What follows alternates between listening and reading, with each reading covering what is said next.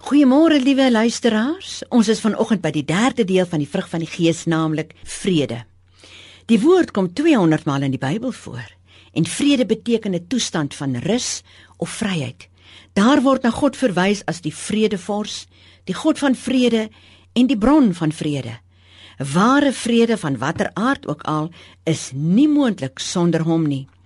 Ek gaan praat oor vier soorte vredes.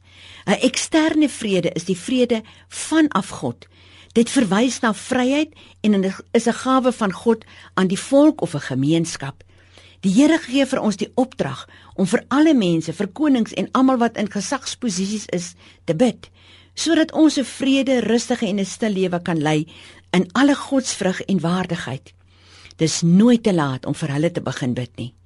Die vertikale vrede is die vrede met God. Dit stel ons vry van God se straf.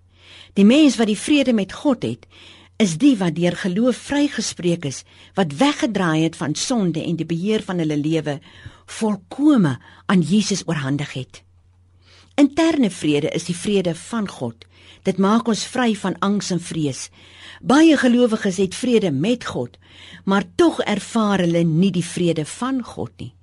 Wanneer die storms van die lewe ons tref, raak ons angstig en vreesagtig.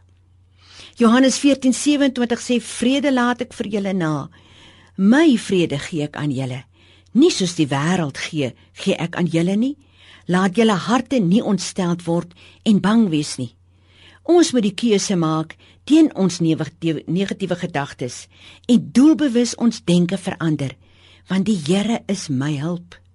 Daarom gaan ek nie bekommerd wees nie, maar ek gaan my begeertes in alles deur gebed en smeking met danksegging bekend maak aan God en die vrede van God wat alle verstand te bowe gaan sal julle harte en julle sinne bewaar in Christus Jesus. Die gevolg van interne vrede is 'n innerlike kalmte en dit bevorder goeie gesondheid. Maar jaloesie vreet jou op. Die voordeel is goeie besluitneming want die vrede van die Here word die bepalende faktor. Horisontale vrede is die vrede van wie God wat lei tot vryheid van interpersoonlike konflik, van wie ons verhouding met die Here. Wanneer ons die vrug van die Gees in ons lewens openbaar, trek dit ander mense na die Here toe.